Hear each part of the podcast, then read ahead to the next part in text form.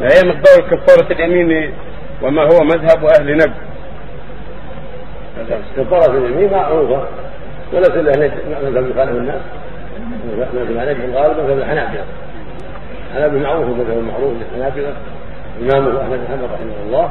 ولكن علماء النجد إذا عرفوا أن القول في مذهب أحمد مرجوح أخذوا بالدليل وقدموا ما الدليل تقديمه في مسائل الخلاف. الكفارات اليمين فيها خلاف بينها الله في كتابه العليم وأنها يطعم عشره مساكين أو كسوتهم أو تحرير رقبة. هذه كفاره اليمين عند أهل العلم بالنص فإن عجز عن هذه الثلاث صام ثلاثة أيام. هذه كفاره اليمين اولا يطعم عشره مساكين أو يكسوهم أو يحرر رقبة رقبه هذه مخيرة. ثلاثة مخيرة. إن اعتاد أجزأ. وان كسى أجزأ.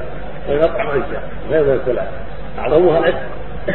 اعلاها فإن لم يعتق وكساهم على كسوة كسوة على قميص قميص وعلى إثار ورداء عشرة كفى وإن أطعمهم عشاهم أو غداهم أو أعطاهم على نصف الصاع تمر أو رجل قتل بلد نصف الصاع قتل بلد.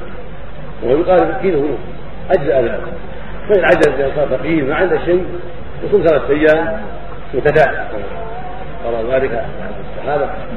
مسعود سنة ثلاثة أيام متداعي. نعم.